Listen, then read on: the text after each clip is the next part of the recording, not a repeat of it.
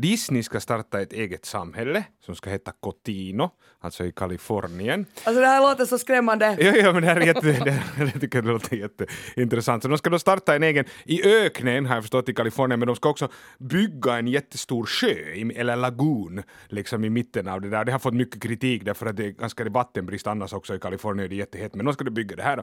Så ska de bygga då ett, ett samhälle, i början ska det väl vara under 2000 människor, så det är ett ganska litet samhälle. Och idén är då att det ska, det ska liksom kännas att man lever i en Disney-värld. Och ännu vet man inte en man, jo, jo, man vet inte riktigt ännu vad det innebär, men de säger till exempel att de som jobbar för Disney alltid kommer att vara i sina roller. Jag vet inte om det betyder att långben kommer emot dig på gatan varje dag, men det betyder liksom att du ska bo i en Disney-värld. Och det här låter ju liksom jättespännande. Och, och, det här, och sen är det också spännande, jag läste just att, att de, de vill också ha att det ska vara Disney-regler. Så det ska till exempel inte finnas några barer och så här, man får inte liksom härja, så det kommer egentligen vara ganska hård kuri på det här stället för att det ska vara trevligt och Disney. Så, men då är det ändå att du lever i den här, den här sagovärlden, liksom hela, he, alltså egentligen hela ditt liv kan du väl leva där. Så, Om, ja. så, förlåt, om man lajvar Kalle Anka så går man alltid utan byxor då? Eller Jag vet inte om du lajvar, jag tror mer att de, de, de jag finns... bor där. Ja, jag Men- tror att du bor okej. där, men så, men så tror jag att du kan tas in i äventyr och sånt. Det är väl idén att, och hela världen ska vara så här Disney, men jag tycker att det lät också jävligt obehagligt det här att, att man får inte göra fel. Alltså de kommer ju att bli ganska sådär hård, liksom. Det låter ju lite sådär diktatoriskt att de måste hålla det för det ska vara Disney och det ska vara liksom trevligt. Och sen började jag tänka att vi lever i så konstiga tider, för det låter ju också jätte sådär Truman show. Alltså du har massa egentligen skådisar som spelar roller varje dag i ditt liv. Kort recap nu på Truman Show. Alltså jag, vet att det var, jag minns att det är Jim Carrey spelar huvudrollen. Ja, Och är det ett tv-team som följer hans liv? Eller hur? Ja, men han vet inte om det. Ah, Alltså han lever i en fake-värld och, och det sänds hela tiden så folk ser på den här filmen och han är den enda som är äkta där och alla andra är skådisar. Så, så, så hon som spelar hans, alltså hans fru är en skådis, hans bästa vän är en skådis, alla är skådisar. Men han vet inte om att han lever i en skådisvärld, han tror att han lever och så följer de med det. Men det här är ju då en Truman show men du kommer ju att vara medveten om att du lever i en Truman show. Men det tycker jag det är galet att vi nu går mot sådana tider. Det är samma sak att det här med metaverse är ju liksom Matrix, bara att vi kommer att gå med på att leva i Matrix. Så nu händer både Truman show och Matrix, som är de värsta så här dystopier, men skillnaden är att vi kommer typ att betala för att vara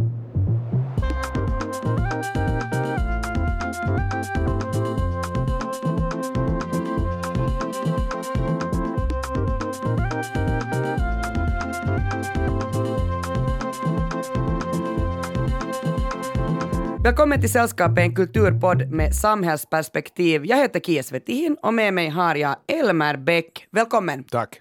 I förra, förra veckan så, så det där hade vi en tävling i Sällskapet och i slutet av den här podden så ska vi avslöja vem som vann vår tävling. Alltså vem kommer att få konfektasken där Sällskapet smakar uh, yuzu, gin och fläder.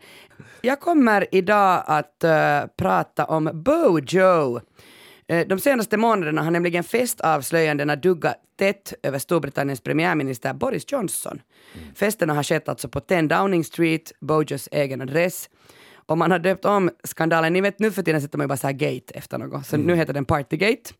Och, och det där, man har faktiskt gått så långt att det är polisutredning nu över Bojos festande. Så jag kommer att kolla närmare på den här clownen Boris Johnson, eh, men sen tittar jag också på andra politiker som blivit i blåsväder för att ha festat under pandemin och gått emot restriktionerna. Elmer Bäck, vad ska du prata om idag? Jag tänkte tala om vidskepelse och vidskeplighet. Uh, dels för att i alla fall inom teatern så är det väldigt liksom eh, närvarande hela tiden. Jag tror att typ inom teater och sport Eh, det är säkert de mest vidskepliga eh, yrken man kan ha. Och jag tycker att det är spännande för man talar inte så mycket om det men det finns hela tiden där och så har jag liksom tänkt på det lite själv hur jag, hur jag uppfattar eller min, ja, hur det är för mig med vidskeplighet. Jättespännande. Bra, men hej, innan jag tänker gå in på, på Storbritannien och Bojo och hans vilda festande så vill jag prata om en tv-serie med dig, Elmer. Eh, det har alltså på förhand skrivits om den här serien som ett av årets liksom mest intressanta eh, sci-fi, near-fi, framtidsdystopi-stuk. Um, att den liksom, tror jag i slutet av 2021 var jag sa att den här ska jag se och sen ska jag prata om den med Elmer Bäck. Severance. Severance. Du har, har du sett den? Jag har sett alltså de två första delarna som ligger ute har jag sett, ja. Ja, den kom till Apple TV+. Plus. Det är ju lite, som, det är lite jobbigt med, med de här, när det finns så otroligt mycket streamingtjänster så har du inte alla, så kan du tyvärr inte ta del av den här. Men det har kommit bara två delar och liksom, vi kommer prata mera, vi ska prata mera kanske om, alltså inte om serien utan vad den handlar om. Alltså, för det är ganska allmänmänskligt. Eller är det? Vi, vi måste...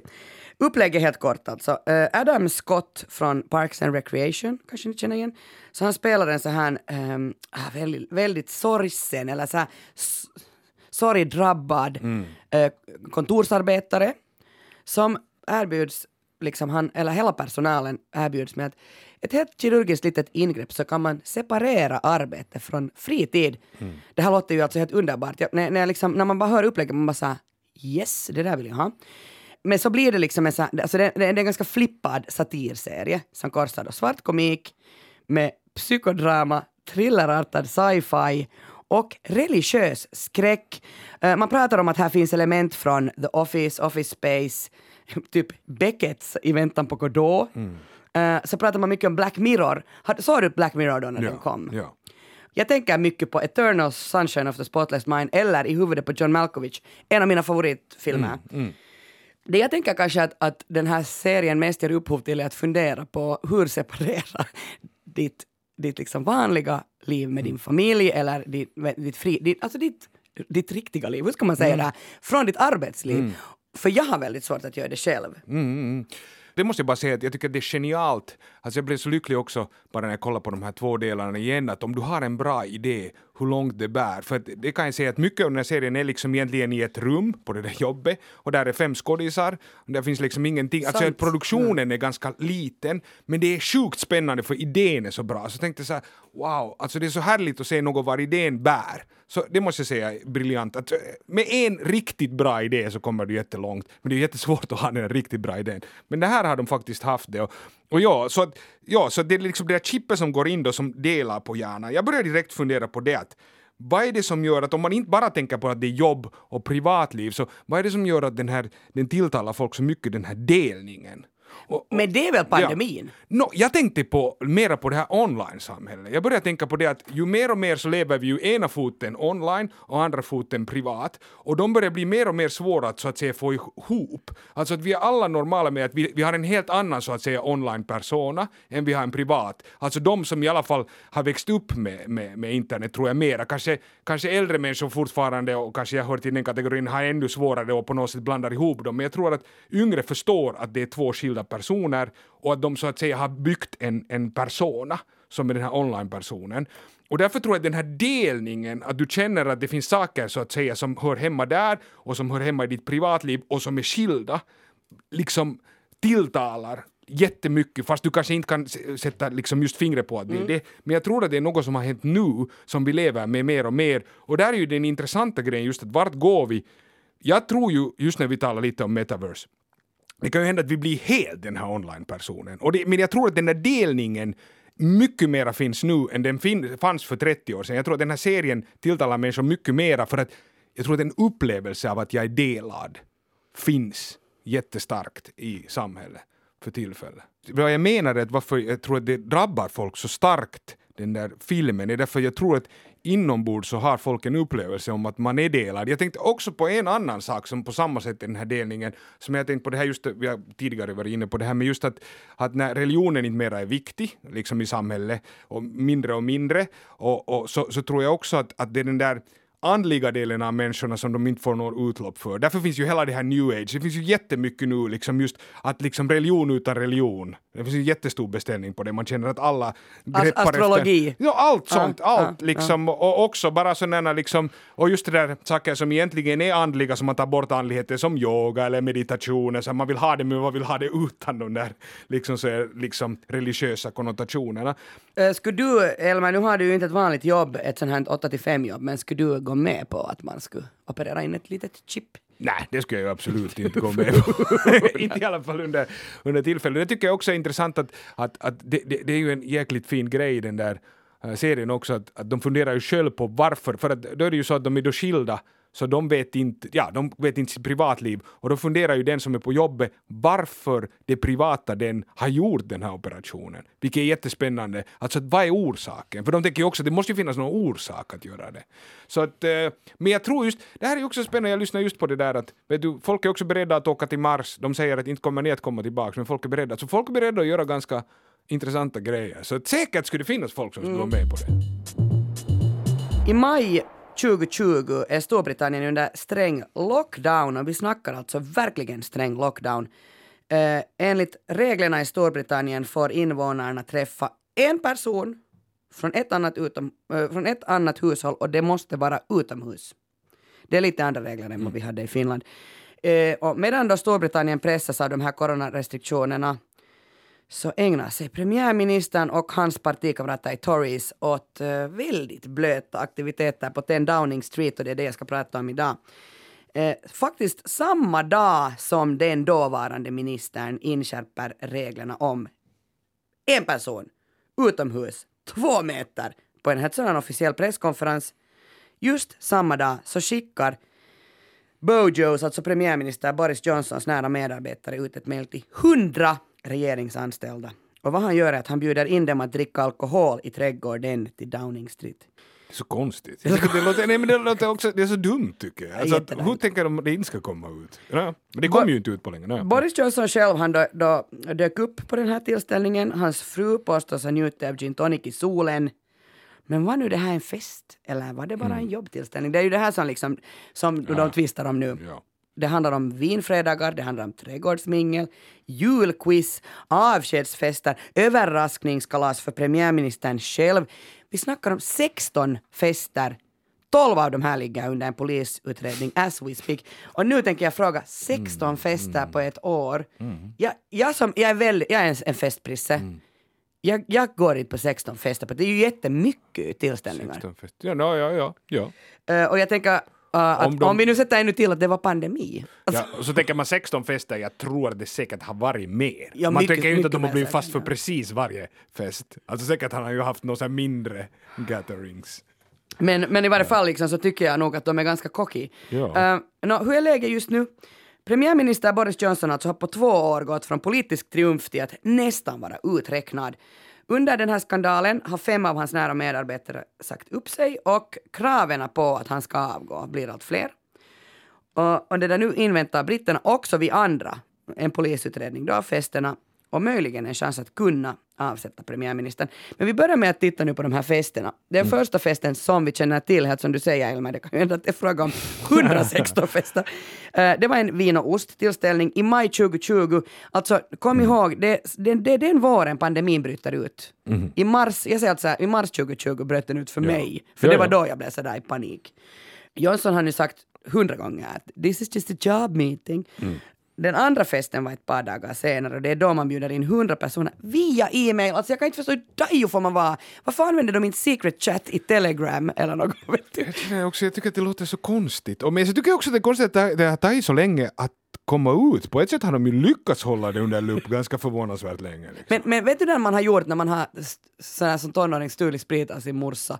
Så, förlåt mamma, så tänk, men nej, jag är ju fortfarande såhär, när ska hon, när ska Ja, hon ja. avslöja mig liksom? Ja, när, ska, hon- säga så jag vet nog vad du har gjort? För att man, man liksom lever ju ändå med någon gång kommer hon ju att avslöja mig. Men tror du att de har liksom haft något system så att de här hundra människorna inte kan berätta? Jag tänker bara att om jag skulle bjuda in hundra människor, chansen att någon berättar om det måste ju vara ganska Ah, stor. alltså, eh, då har de dessutom, jag tycker det här är så, så här, bring your own booze. Mm. det är topptjänsteman som har, som har gjort det här. Och, och det där enligt The Times så ångrar han sig exakt i den sekund han tryckte på sänd. Åh nej, nej, nej, nej, vad gjorde jag? Man har ändå skrivit ganska så långt och sa, ta din egen Tänk på allt, ska man ta egen sprit eller inte? Borde vi bjuda det? Och sen efter, nej! Också tycker jag att det är konstigt att de här toppolitikerna måste ta med egen sprit. Nåja, Ja. men, men festen blev av, 40 personer dök upp, vilket är ganska mycket ändå av, av, Mm. av 100. Eh, Men vi snackar alltså om spontan disco i källaren. Eh, Folk som skickades ut på stan för att köpa vin med en resväska med. De fyllde den med. Det är så brittiskt på något sätt. Eh, En gäst uppges till och med ha skämtat om sin oro över att drönare skulle liksom cirkulera i luften och, och, och, och fota den här Ja, ja, festen. ja. Och enligt The Independent uppges personalen nu på Downing Street också ha, ha uppmanats att putsa sina telefoner genom att radera information och bilder. Och, och framåt småtimmarna så gungar någon söndag premiärministerns sons gunga. Han har ju alltså en ganska litet, eh, någon Ja. femåring kanske. Men överlag att följa med det brittiska parlamentet och deras underhus, alltså House of Commons, måste säga att det är bättre underhållning Mm. än vilken ny tv-serie som helst. Har du sett någon gång en sån här när de... trä- När Ja. alltså, men, och du tittar bara på nyheter nu när han Ja. blir utfrågad, Ja, ja, de är ju jag skitsura ja, på honom. Ja, ja, ja. Så det, där, det är intensifierad polarisering. Folk står upp och skriker till Mm. varandra. Alla samtidigt och i mun på varandra och de hoppar upp och ner i stolar. Och det också tycker jag alltså är litet det där rummet. De är Mm. jättenära varandra. Det är inte bara påminner om en cirkus, utan det är en cirkus, alltså en sån här kaosartad cirkus. Nu måste jag dra lite fakta här. Alltså underhuset är direkt folkvalt och består av 650 ledamöter. Anledningen till att de skriker så mycket i parlamentet är för att de får inte applådera. Så om någon säger något som man tycker om, då, ska man skrika “Here, here!” Here, here, ja. Och det är därför de skriker så mycket. Ja. Så ni tänker att 650 människor skriker “Here, here!” så blir det ganska mycket ljud. Och enligt BBC så den här före detta talmannen, eh, John Burkov, han hade under tio år rutit “Order, order!” Alltså det är när man ska vara tyst, eller man vädjar om ordning, eh, 14 000 gånger. Ja. så sjukt. Okej, hur farligt är det nu då egentligen att bryta mot pandemireglerna? Alltså hur farligt Mm. är det att Bojo har druckit vin och ätit ost i sin trädgård? Alltså det att man går emot restriktionerna Mm. och inte lyder lockdown. Vad tycker du?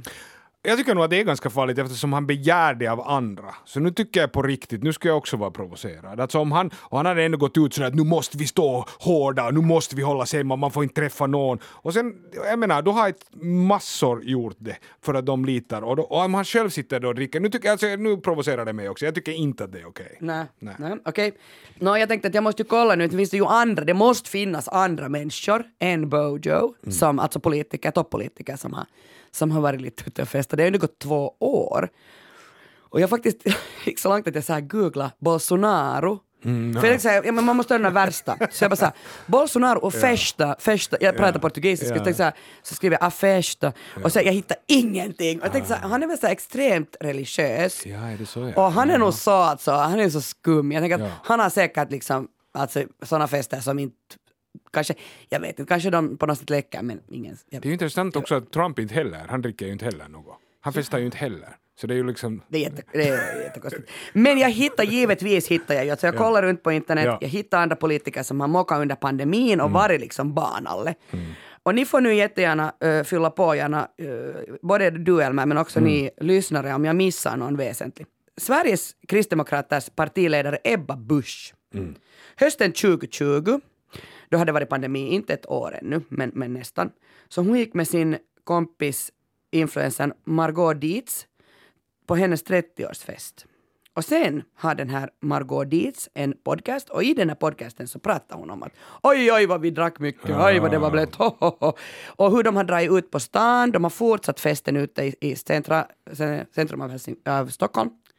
Och det där, och sen har ännu Ebba Busch låtit födelsedagsbarnet få skjuts hem med henne, men det betyder alltså med Säpovakter, alltså med Ah, okej. men Jag tänkte liksom- först att du skulle säga att hon hade kört. Nej, nej, det skulle var vara ännu, ännu roligare. Sen efter det körde hon hem henne. Några dagar senare går dessutom Ebba Busch då på en 40-årsfest.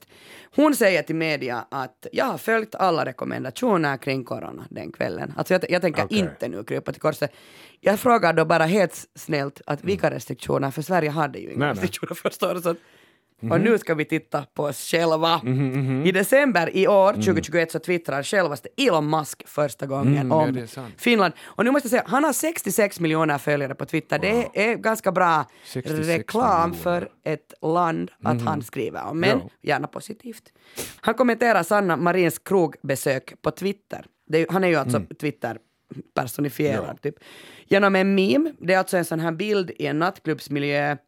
Har du sett den? Ja. ja. Så ser man en sån här ganska i fyllan, alltså en man som är i fyllan och han inleder en konversation med en kvinna som inte ser så intresserad ut och då skriker han så här Vad sysslar du med? Och så svarar den här kvinnan, jag är Finlands statsminister. Och då, så, så skriker den här mannen, va? Okej, så här, det gick det så här. Marin blev coronaexponerad, lämnade fel tjänstetelefon hemma, fick aldrig meddelande om att man skulle helst undvika kontakter, få på restaurang, få på nattklubb, mic drop. Pam. Jag vet inte. Uh, att Sanna Marin dessutom umgås med kända uh, youtubers och influencers på fritiden, alltså har ju retat Fe- alltså människor har ju varit så sura på henne. Vad tycker du? Fick, fick statsminister Sanna Marin gå ut och festa på i december 2021? No, alltså, jag tycker ju att så, då var väl restriktionerna så att hon fick, jag tycker att det största skillnaden är ju det att Boris Johnson gjorde det när han säger att man inte får absolut inte göra det, och så gör han Ja, det. man kan ju inte så, jämföra så här, dem. På det viset så tycker jag i Finland, det var väl, inte, det var väl mer det att den här tjänstetelefonen inte var med som var problemet, inte att hon gick på krog, har jag tänkt. Alltså Mm. det att hon som statsminister måste kunna vara, alltså de måste kunna få tag på henne, så förstår jag att det är liksom mera det som är problematiskt. Sen det där att hon hänger med youtubers och sånt, sånt det tyckte jag, det, det som var svårt där att hon har en stor fest med alla de här jättekiva och nästa dag så skär de i kulturen massor. Det var det som tog ont. Ah, nu ska jag gå till mitt bästa exempel av andra, andra sådana här politiker som har gjort bort sig. Våren 2020, vi är tillbaka där som då när Bojo bara hade den ena festen efter den andra. Pandemin är i full gång. Polisen i Bryssel de bryter sig in i en lägenhet och så stoppar de en helt jättevild sexfest. På den här sexfesten är det ett tjugotal män och de är mitt i en, en gangbang-akt när polisen patrullerar in. Personerna på festen har brutit mot Belgiens coronarestriktioner. Högst fyra personer får vistas på en och samma plats. Nå, eh, då flyr ju förstås, må- det var mycket diplomater och politiker nämligen upp i den här gangbangen, bara män. Och den här ungerska politikern Josef Sayer, han flyr ner för ett stuprör. Spännande. Där han blir ertappad med, eh, med ryggsäcken innehållande ecstasy. Ja, wow. Molly. Han Så bara- han försökte sätta allt in där och hoppa jag ut. bara i- hoppa ut, jag måste ta med det här. Nå, Josef Sayer var med och grundade det nationalkonservativa partiet Fidesz. 1988. Han är alltså ungersk. Han har suttit i EU-parlamentet i 16 år. Han är premiärminister Viktor Orbáns närmaste, en av hans närmaste män, eller han var, för han har sagt upp sig. Eh, och det här, det här är det värsta. Han var med och skrev om Ungerns grundlag med passagen att äktenskap bara får ske mellan man och kvinna. Det var nog säkert därför han hoppade för, stupröret. för stupröret Ja. och var sådär, jag måste äta lite extra. Så det här är Ja, så ja, ja, hemskt. ja. Nej, men nu ska vi tillbaka till Storbritannien, för det är där de här liksom storskurkarna finns. Det här är ingenting jämfört med vad Bojo har gjort. Och jag ska förklara varför. Det man ju blir att fundera på är att varför blir de så upprörda? Jag menar, de vet väl hurdan Bojo är? Jo, den 23 mars 2020, två veckor in i pandemin, så stänger Storbritannien ner. Klockan 20.30 på kvällen så meddelar Boris Johnson att det är förbjudet att lämna hemmet om du inte har en nyckelposition i samhället. En vuxen i varje hushåll får gå ut för att handla mat eller medicin och alla medborgare får promenera, cykla eller jogga en gång om dagen. Alltså jag tror inte att vi kan förstå det här som inte har levt i det här. Men alltså att bli instängd så här. eh, och det delades ut böter om man bröt mot restriktionerna. I England och Wales delar man ut 17 000 böter första tiden av lockdown. Ett gäng på fyra personer som grillade i en park fick böter på 300 euro. Det här är alltså maj 2020. Jag vill alltså bara säga att samma månad som de här personerna som grillar i parken och får böter 300 euro så bjuds 100 personer in till 10 Downing Street och ombes bring your own booze. Man kan ju alltså förstå varför de är lite sura. Och det där människor som gick ut i parken för att sola, alltså tänk så här, jag vill bara gå ut, alltså, man vet ju inte hur folk bor, du kan bo i en etta och liksom inte få frisk luft. Så det här hörde man då i parken. Can you all go home, please? It's not a holiday. It's a lockdown, which means you don't just come in sunbathe. Can you please just leave? Kela, de var ute och sola. Ja. Bara, can you please leave? This is, it's a lockdown. Det kom alltså fram att det är skillnad på folk och folk. Eh, det känns som att eliten av politikerna då inte berörs av restriktionerna och de här festerna på Downing Street har handlat om personal som kommer till festen med kappsäckar fyllda med sprit. Det gick så långt att man investerade i ett helt nytt kylskåp till Downing Street för att man ville ha den här drickan kall och fräsch. Det här kan jag ju förstå. Det är bara det att det ska inte läcka till pressen. Det är chockerande. Alltså jag, jag, det låter ju nästan som att, alltså undermedvetet att han vill bli fast. Jag tycker att det låter så konstigt för att jag menar, hur, hur, alltså han håller på, håller på, håller på. Det låter ju som att någon, någonstans så vill han typ bli fast och avsatt. Alltså fast han inte skulle medvetet, för det låter ju så galet. Klart det kommer ut i något skede. Alltså i dagens värld känns det som att, vad är det som inte kommer ut? Är han sån där serial otrogen? Vet du, sån där alltså som, som vill samma, bli liksom, fast? ja, jag tänker liksom samma tankegång, då vet jag inte om han gör det också, men alltså just den, den samma idén, just att man liksom i princip någonstans undermedvetet vill bli Mm. fast. Det är, det är mycket konstigt. Alltså för det som det gjorde, eh, det skadar ju nu. Alltså de här pandemifesterna har skadat Boris Johnson för att den avslöjar honom som en del av en elitbubbla. Alltså Mm. som Donald Trump också, han, menar, han går ju ut till vanligt folk och säger ah, jag är. Ja, på ja. er sida. Men han är ju inte, han är ju eliten. Mm. Bojo är ju eliten. Ehm, det går på något sätt ihop, helt emot allting vad Boris Johnson har stått för Mm. i folks ögon. Uh, Katrin Marsall, hon är eh, Dagens Nyheters uh, Londonkorre, hon skrev en, en krönika just om den här ironin i det hela. Är alltså att Boris Johnson och hela hans politiska projekt handlar om att inte vara elit. Alltså att han blev premiärminister genom att ställa sig i spetsen för den här brexit-revolutionen som faktiskt tog Storbritannien ut ur EU. Och, och liksom brexitörerna de poserar som folkets hjältar mot korrupt elit och ingen gjorde det här bättre än Boris Johnson. Nå, nu läste jag sen en jätteintressant text i The Guardian och jag lovar, jag sätter alla, alla våra referenser kommer där på arenan. Men den är alltså skriven av journalisten Edward Docks och han snackar om något som heter expensive shabbiness. Att det är det som Boris Johnson är. Expensive shabbiness. Alltså han, hans, hans artikel heter The Clown King. Ja, ja. Och nu här i början när jag, när jag pratade om Bojo så sa jag ju att, att underhuset påminner om en cirkus. Och statsministern är clownen. För det att Bojo uppträder som clownen gör att han på en och samma gång kan vara allt. Han når ut till folket, de känner igen sig i honom och de känner för honom men samtidigt är han Storbritanniens premiärminister, alltså lite som Donald Trump. Den, den sagt, eller, vilken egentligen populistisk Ja, eh, men Trump är ju helt, ja men det är, alltså det är jättespännande. Jag börjar bara tänka på den där liksom karneval, vet du, som alltid var just den där idén att, att, att någon från folket, liksom narren så att säga, blev kung för en dag. Och att, att det var liksom, och sen, men efter det så tog de ju livet av den personen tycker jag, i, Ja. liksom, i gamla tider. Men jag tänker att Men vad gör man nu med karnevalist, ja men det känns som just som lite som du säger att vi medvetet Alltså det är någonting som händer som är jättekonstigt liksom, för tillfället, nog med de här sakerna. Ja. Äh, Clowner alltså påminner oss om vår egen dödlighet. På en djupare nivå är clownen alltså spegelbilden av prästen. Båda representerar två gamla sidor av vår natur. Och båda klargör vad det innebär att vara människa. Alltså hör, prästen kallar, firar och förhör det heliga. Clownen gör samma sak men med det hediska. Prästen föreslår avhållsamhet och fasta. Clownen föreslår frosseri och överseende. Eh, prästen hög, högtidliggör sex medan clownen karnaliserar sex. Alltså, det är jätteintressant. Um, Bojo ser ju alltså ut som en clown. Han beter sig som en clown. Hela hans uppenbarelse säger liksom hej, ni kan inte ta clowner på allvar. Okej, ta- alltså nu, nu, nu måste jag förklara ju bara hur han ser ut. Vet ni när han har liksom en kostym på sig, så den är ju alltid så lite för stor och slarvig. Och, det där, och han säger så här, jag vill inte ta på mig någon kostym, kostymer är helt löjliga. No, men okej, jag tar på mig den här kostymen. Titta, jag ser ut som en clown. Uh, alltså det här är helt medvetet. Ja.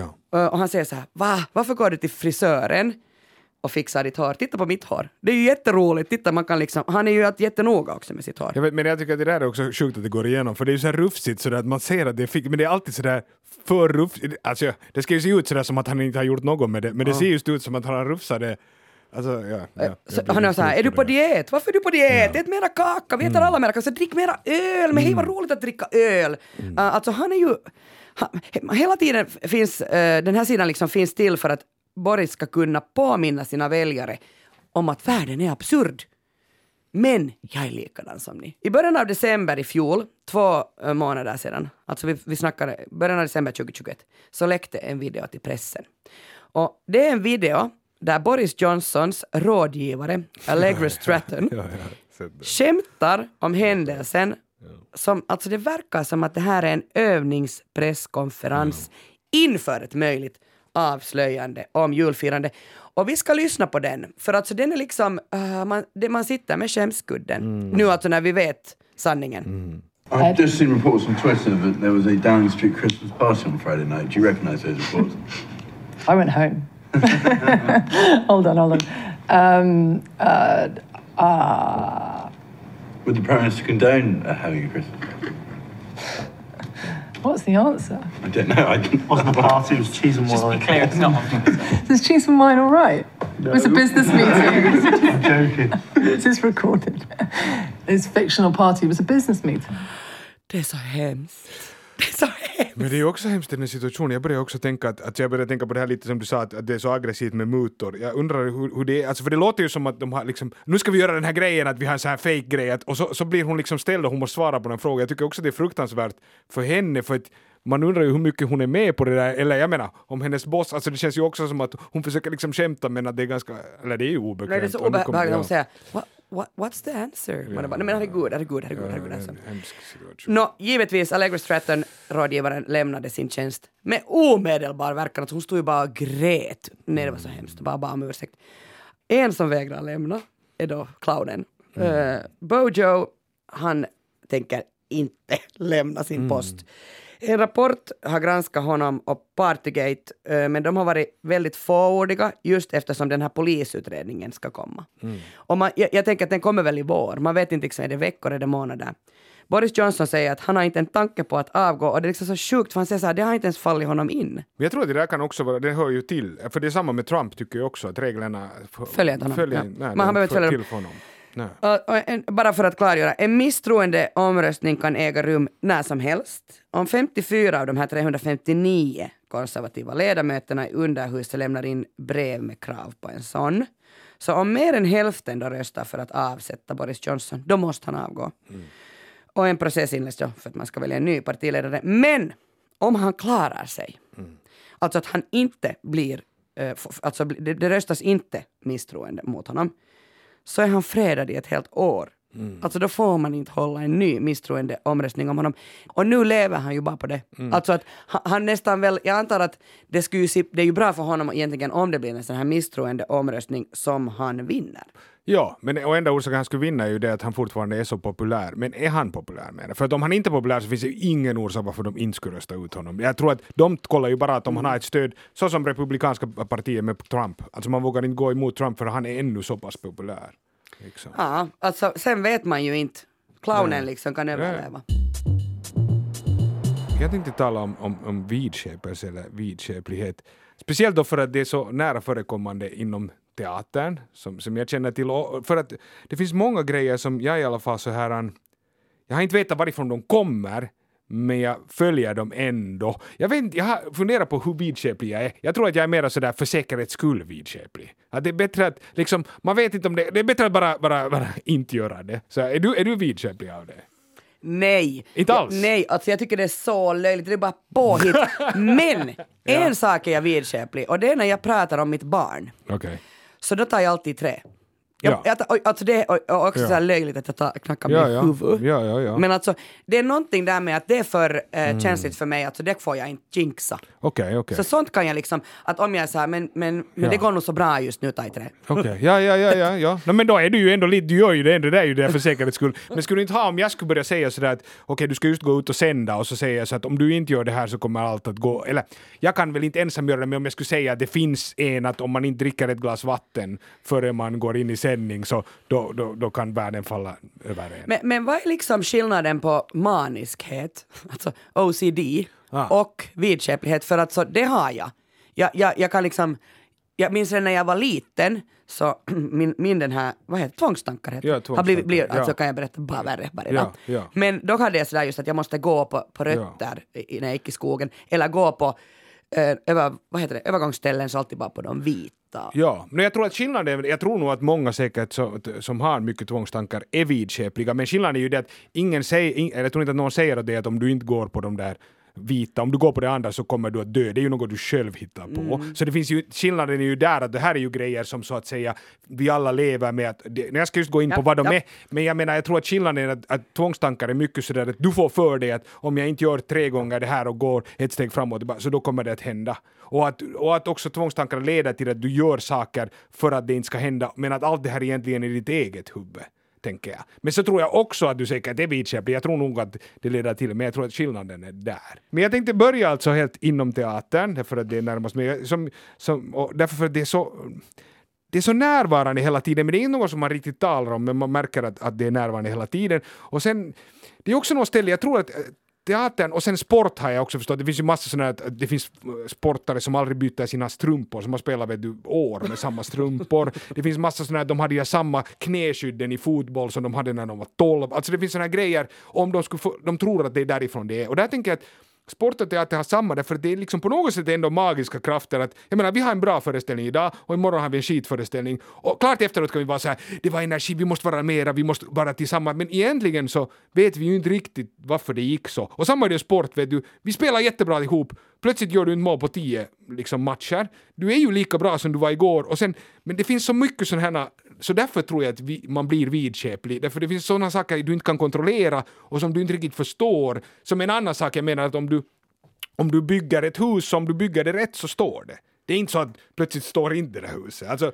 det vet du vad jag menar. Jo, jo, jag måste nu fråga så här, om du då, eh, ni, du, är du har huvudrollen i en pjäs och ni kan det, alltså ni har gjort det många, många gånger, vad ska vi säga, vad, vad är lång tid? Ni har hållit på ett halvt år. Ja, ja. No, ja, ja. Och, och mycket föreställningar, Ja. så ni kan den. Ja. Alltså du kan, Ja. du kan, man kan väcka det mitt i natten och du kan Ja. den. Måste man ändå alltså varje gång kämpa skitmycket för att det ska bli bra? Men det där är just det problemet, kämpa kan också bli helt fel. För det kan också hända att när det börjar gå fel så börjar alla kämpa och då blir det lite krampaktigt, man lyssnar inte på varandra. För att egentligen är det ju bäst då när man är närvarande och, och när man mår bra. När du är på scen och du märker att det går dåligt så börjar du må, må lite dåligt själv, du börjar liksom kanske vara lite för snabb, du tar inte in din medspelare så att kämpa funkar inte. Och det är samma tror jag i fotboll till exempel. Kämpa, när alla börjar kämpa plötsligt så, så har du inte den rytmen, du känner inte in, du har inte, du ser inte vad spelet går. Så att kämpa funkar inte. För att egentligen måste du vara närvarande och öppen. Och problemet när du börjar stressa så är du inte. En av de kändaste sådana här vidskepligheter som, som finns inom teatern är det att man inte får säga lycka till. Eller i Finland är det mer så att man får inte tacka. Du får säga lycka till, men jag får inte säga tack. Det här har jag försökt motverka nu, jag försöker nu säga tack. Men det här, är- men det här är då en jättestor grej, att man får inte säga tack. Och i, i USA och i Storbritannien är, det, är den också jättekänd och där är det det att därför har det kommit den här break a leg. Därför att man får inte säga uh, good luck eller man får inte säga så här som man gör istället ironiskt och säger emot då. Break a leg.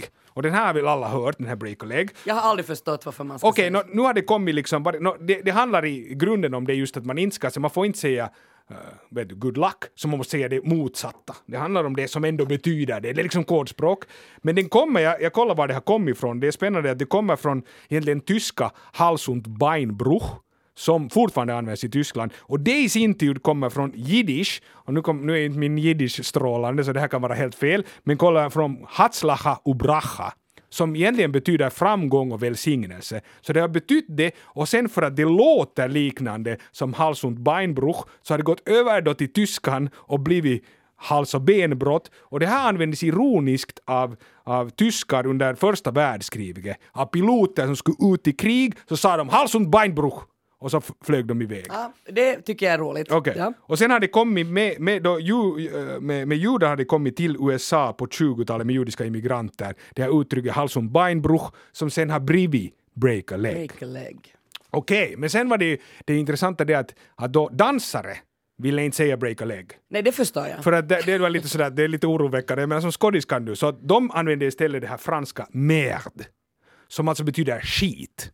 Och alltså i Frankrike säger man merde, och i spansktalande lä- länder säger man mucha mierda, alltså mycket skit. Alltså före man ska in. Före man ska in, det är detsamma, man säger inte lycka till, man säger merd, eller mucha mierda. Och mycket skit, no, det här är intressant varifrån det kommer. Det kommer från den tiden när man kom med häst och kärra till föreställningen. Så om man blickar ut från teatern mot vägen då, om det var mycket skit så betyder det att det var många hästar, vilket betyder att det var fullsatt. Så mucha mierda betyder jag hoppas vi får mycket publik, lycka till. Det är liksom mycket skit på vägen, mycket hästar. Mucha mierda. Och sen eh, till exempel i, i Tyskland så säger de toj, toj, toj. Som kommer från tre, som tre spott, det är som tvi, tvi, tvi. Och det är liksom kommer att spotta tre gånger är en hednisk tradition för att få bort onda andar. Så i Tyskland när du går på scen så säger du toj, toj, toj. För att få bort de onda det. andar. Ja. Nåja. Sen finns det ju en klassisk den här att man inte får vissla på scen. Det tror jag alla som har jobbat med teater vet att du får inte vissla. Inne på scen får du aldrig vissla.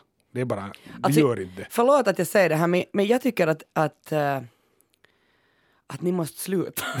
alltså guden, skärp er. Ja, ja, man får inte vissla på scen. Och det här kommer, det här är också en bra orsak. Det kommer från då att i början på teatern så använde man då sjömän som kom in och vira upp och ner kulisserna.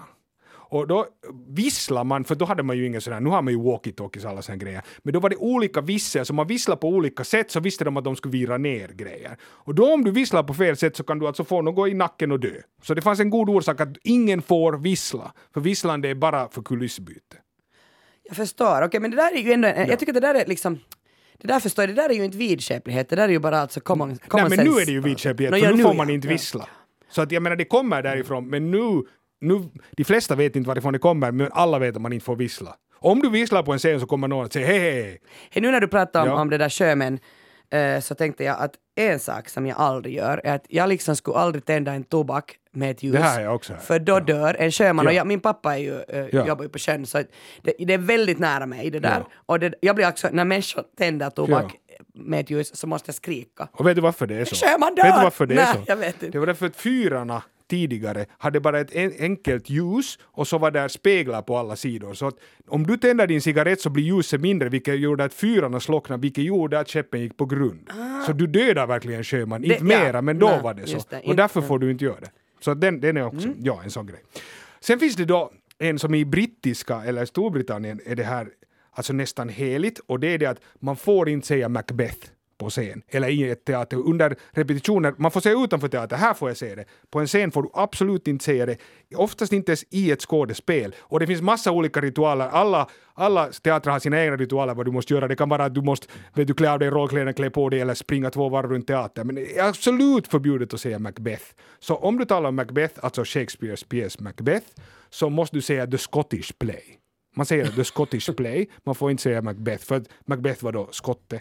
Och det här finns två, två möjliga eh, orsaker till det här. Det första var att att då i den originaluppsättningen av Macbeth så var då skådespelaren, för det var då skådespelare för det var bara män som spelade, så han som spelade Lady Macbeth dog under repetitionerna och Shakespeare själv fick ta över rollen.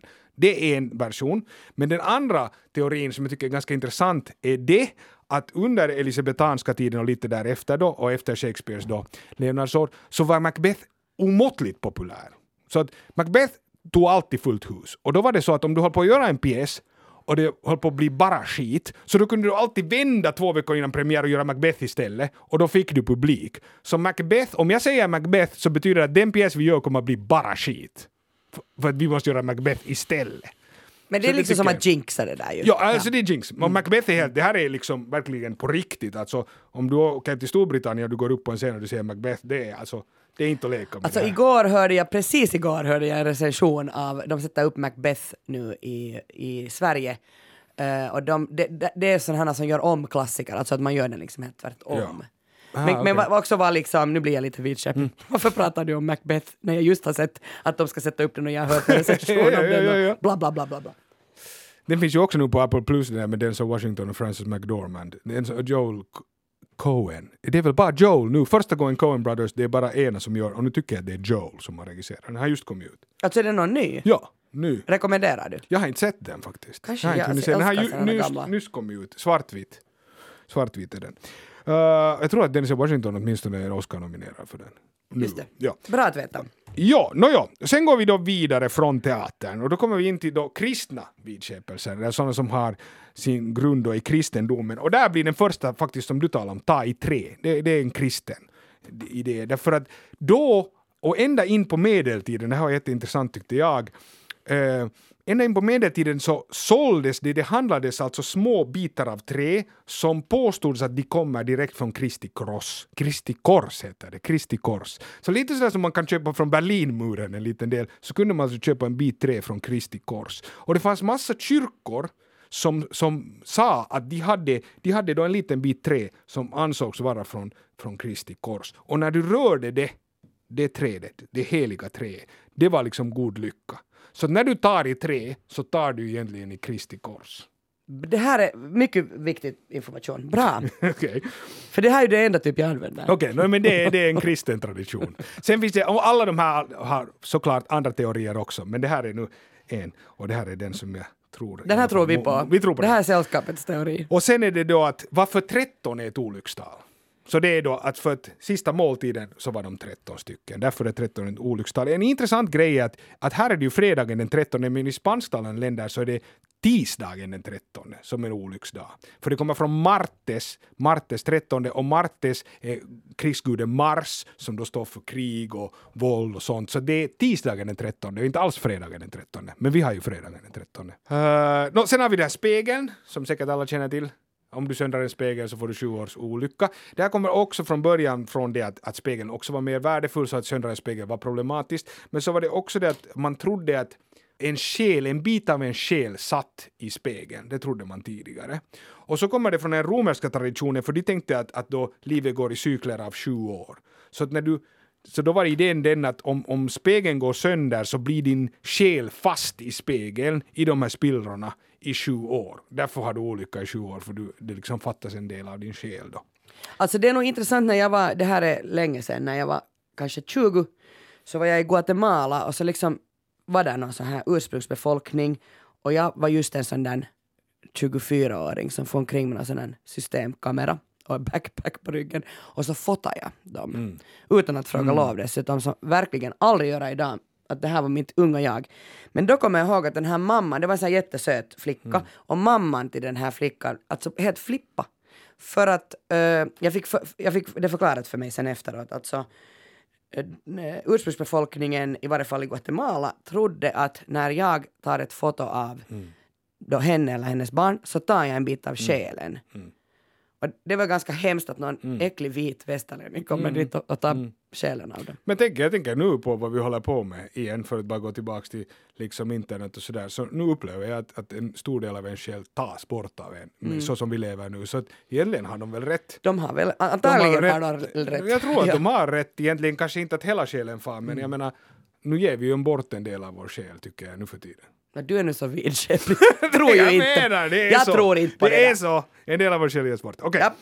Eh, en klassiker är ju den här svarta katten. Uh, I Egypten, i antikens Egypten så var det, var det bra tur, men i västerländsk kultur så ses det då som olyckligt, speciellt när den går över vägen. Och katter har alltid varit liksom, eh, eh, uh, man man har alltid liksom, det finns konnotationer till mycket med häxor. Alltså katter fanns med häxor. Det vet jag inte om det var bara så att häxor hade katter, eller de som då upp, som man tyckte var häxor, hade katter, eller svart katt. Men det har man ju ofta sett, vet du, en häxa med en svart katt. Ja, eller de åker ju på den, den Ja, där de häxans, häxans Ja. kost. Och sen finns det också mycket tro att, att, att den svarta katten, alltså det är helt enkelt djävulen. Att djävulen bor i den svarta Hälsningar till Biffen och alla andra som älskar katter här nu. Ja. Nåja, sen tänkte jag vi skulle gå in lite på olika länder. Vi hade lite så här, liksom spännande så här, vidskepare som vi kanske inte har hört om, men som, som i olika länder. Det, jag tänkte också att det är ganska bra att kolla upp sådana här före man åker, just för att man inte gör sådana misstag. För att det finns ju helt totala tabun som man inte skulle tänka på. Liksom, nå, en spännande är, är, är liksom vårt grannland Sverige, så finns det jättestarkt det här att man får inte lämna nycklar på bordet. Har du hört om den? Aldrig. Okej, den är stark jag hade en svensk kompis som kom hem till mig och jag kom hem och jag satte nycklarna på bordet och han bara så vad gör du? Vad gör du? På riktigt, men var Ja. det en skådis? Nej, musiker. Jag ska säga, I don't know if that's better liksom. Men- Okej, men okej. Men det- Varför, det är varför alltså- det? Nå, nå, det här eh, läste jag om, det finns två möjliga teorier. Ena att det handlar om prostitution, att eh, på, jag tror att det är 1500-talet så var det så att de prostituerade lämnar nycklar på ett bord och så plockar kunden upp det. Att det i princip då betyder det att det är kopplat till det. Det andra var att det är från vikingatiden och att man då hade lås på hemskt få saker och det man hade lås på var det absolut värdefullaste som de hade vet du, erövrat och så här. Så bara att lämna fram nycklarna var bara jävligt dumt för att där fanns det mest värdefulla bakom det låset den förde dit. Så att det var bara att nycklarna får aldrig finnas framme. Men att det här är då specifikt svenskt, det här med nycklar på bordet. Sen har jag då Tyskland. Det har jag nog hört om tidigare, att man får aldrig skåla i vatten. Har du hört det? Jag har hört om det, ja. det får man inte göra. Och det är faktiskt så långt att du önskar död till den du skålar med. Om du skålar med vatten med någon så önskar du död till den människan. Alltså därför får man inte skåla i vatten. Men det här är också en, en logisk förklaring. För att det här kommer då från antikens Grekland. Och i grekisk mytologi så dricker de döda, de går ner i underjorden så dricker de ur floden Lete, som är glömskans flod, och så glömmer de sitt kroppsliga liv. Och då gjorde man i antikens Grekland så att man skålar för de döda i vatten. Och då, ja, så då är det ju en koppling där. Uh, jag har ju liksom mest hört, nu vet jag inte att det är Latinamerika specifikt, utan det kan hända att det är liksom, jag vet inte, överallt. Men alltså att du måste titta i ögonen när du skålar. Ja. Och gör du inte det, det här lärde jag mig på Kuba, så är det, är det hundra år av dålig sex. Ah, okej, okej, okej. Att det liksom, Ja, de ja. har direkt det, de har sexualiserat det. Ja, ja, ja, ja. Men jag tittar alltid i ögonen. Jag tittar också. Men, men jag tittar också alltid i ögonen för att Ja. jag upplever liksom att i varje fall i vår kultur har mycket människor hemskt svårt att titta i ögonen. Ja. Så jag brukar alltid stirra på folk så att de Ja, blir ja. så extra obekväma. Men nu tror jag också att det finns en liksom, om man skålar, just att man tar in den andra. Nu sitter vi och stirrar den- på varandra, men jag bara sen säga. Ja, ja, ja, ja, ja. Skål. Ja, ja. Ja. Sen kommer vi till Kina. Och det här var spännande, det här hade jag ingen aning om. Alltså i Kina finns en utbredd rädsla för nummer fyra. Aha, Det kallas 13 utan 4. tetrafobi. Och det kommer av- utav det att, att uttalet för ordet fyra ligger väldigt nära uttalet för ordet död. Det är hemskt nära. Så fyra är, och, och det som var spännande, att de sa att, att, att, att i vissa hotell i Kina som har då västerländska kunder men också kinesiska kunder så kan det, så kan det saknas alltså eh, då i hissar till exempel, det saknas helt enkelt eh, våning, det saknas våning 4, men det saknas våning 13 för västerlänningar, så saknas det också våning 14 och 24 så, här, så att det går från, från 11 till 14. Nej, 12, 12 till 15 menar jag. Men vänta, varför måste det vara så att, att eh, alltså, bara för att 4 är dåligt så är också 14? Nå, så var det tydligen, inte vet jag, men så sa de. Det var 4 och 14 och 24. Allt med 4 är dåligt. Men jag tycker att det är jättelustigt, tänk om man inte skulle veta om det här, om man går in i en hiss. Det ser ju så konstigt ut, alltså det finns 12 och sen är nästa nummer är 15. Därför att ingen vill då vill bo på varken 13 eller 14. Men, och de har ju inte det här med 13, men 13 är för de har västerländska kunder så att västerlänningar. de vill inte bo. Nu vet jag inte, alltså tidigare var det ju ganska mycket sånt här, vet du, att man ville inte sitta på rad 13. Jag hörde att Brussels Airlines, de hade en logo var det var 13 sådana prickar, de måste ta bort det för folk var så upprörda, de ville inte flyga med det. sluta. Jo, jo. Alltså det här nummer 13 har ju varit starkt, men jag tycker att nu har de lite slutat med det för jag har jag har någon gång liksom tycker, nu finns det väl rad nummer 13 på flyg. Jag tänker också om man är flygrädd så bli, jag, tror tänker om man är, med ja, flyg så för de- om, man, om man är rädd, jag tänker att där är den Ja. här vidskepligheten blir liksom extra accentuerad Ja. på något sätt. Ja, ja. Mitt barn är sen född den 13. Ja, Men just alltså- saying, jag kommer, nu kan jag medge det så mycket att när, när det där barnet föddes så tänkte jag nog fan att det måste gå på 13. Ja, ja, ja. Alltså så vidskeplig, det finns väl någon sån här botten Ja, ja. i mig som ändå är lite vidskepligt så jag tänker att det finns i alla människor. Men däremot har det, ser nu, ta i trä, Ja, ja. hittills gått bra. Ja, ja. Och man kan ju kanske vända det där. Kanske det just blir en lycka för att det finns. Liksom. Tack Elmer, Ja, det där vill ser jag det är lyckligt. För Ja, det är också ja. min, mitt lyckonummer det- för min fru är 13 också. Så det är ju Se nu, vi, vi har nog tur nu med 13, vi, det, är det har vi tagit bort. Ja. Och sen är det andra som är i Kina det, och också i Japan, är det att du får aldrig lägga dina ätpinnar så här rakt uppåt i din mat. Du får aldrig st- sticka ner dem, alltså så att de står rakt upp. Och det är för att de, då liknar de sådana här rökelsepinnar som man använder vid begravningar. Thailand får man inte säga åt en bebis att den är söt, för då kommer onda andar och tar bort sötheten. Man får inte göra det. I Turkiet så får man aldrig hoppa över ett barn, för då blir det där barnet kort för evigt.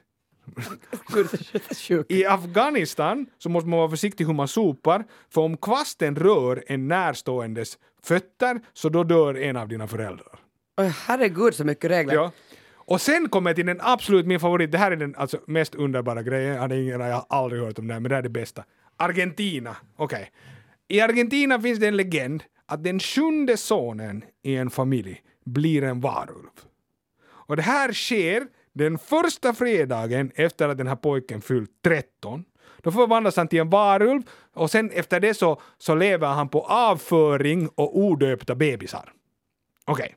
Okej. Det här har varit ett så stort problem i Argentina att folk började ta livet av sina sjunde söner för de var så rädda för att han skulle bli en varulv. Och då måste man göra något åt den här saken. Så, eh, så det här, den argentinska presidenten år 1907 gick ut och fastslog så här.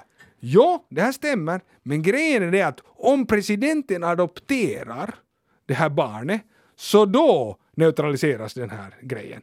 Och, och det här lever kvar. För att så Argentinas president Cristina Fernández de Kirchner, hon var då Argentins president mellan 2007 och 2015.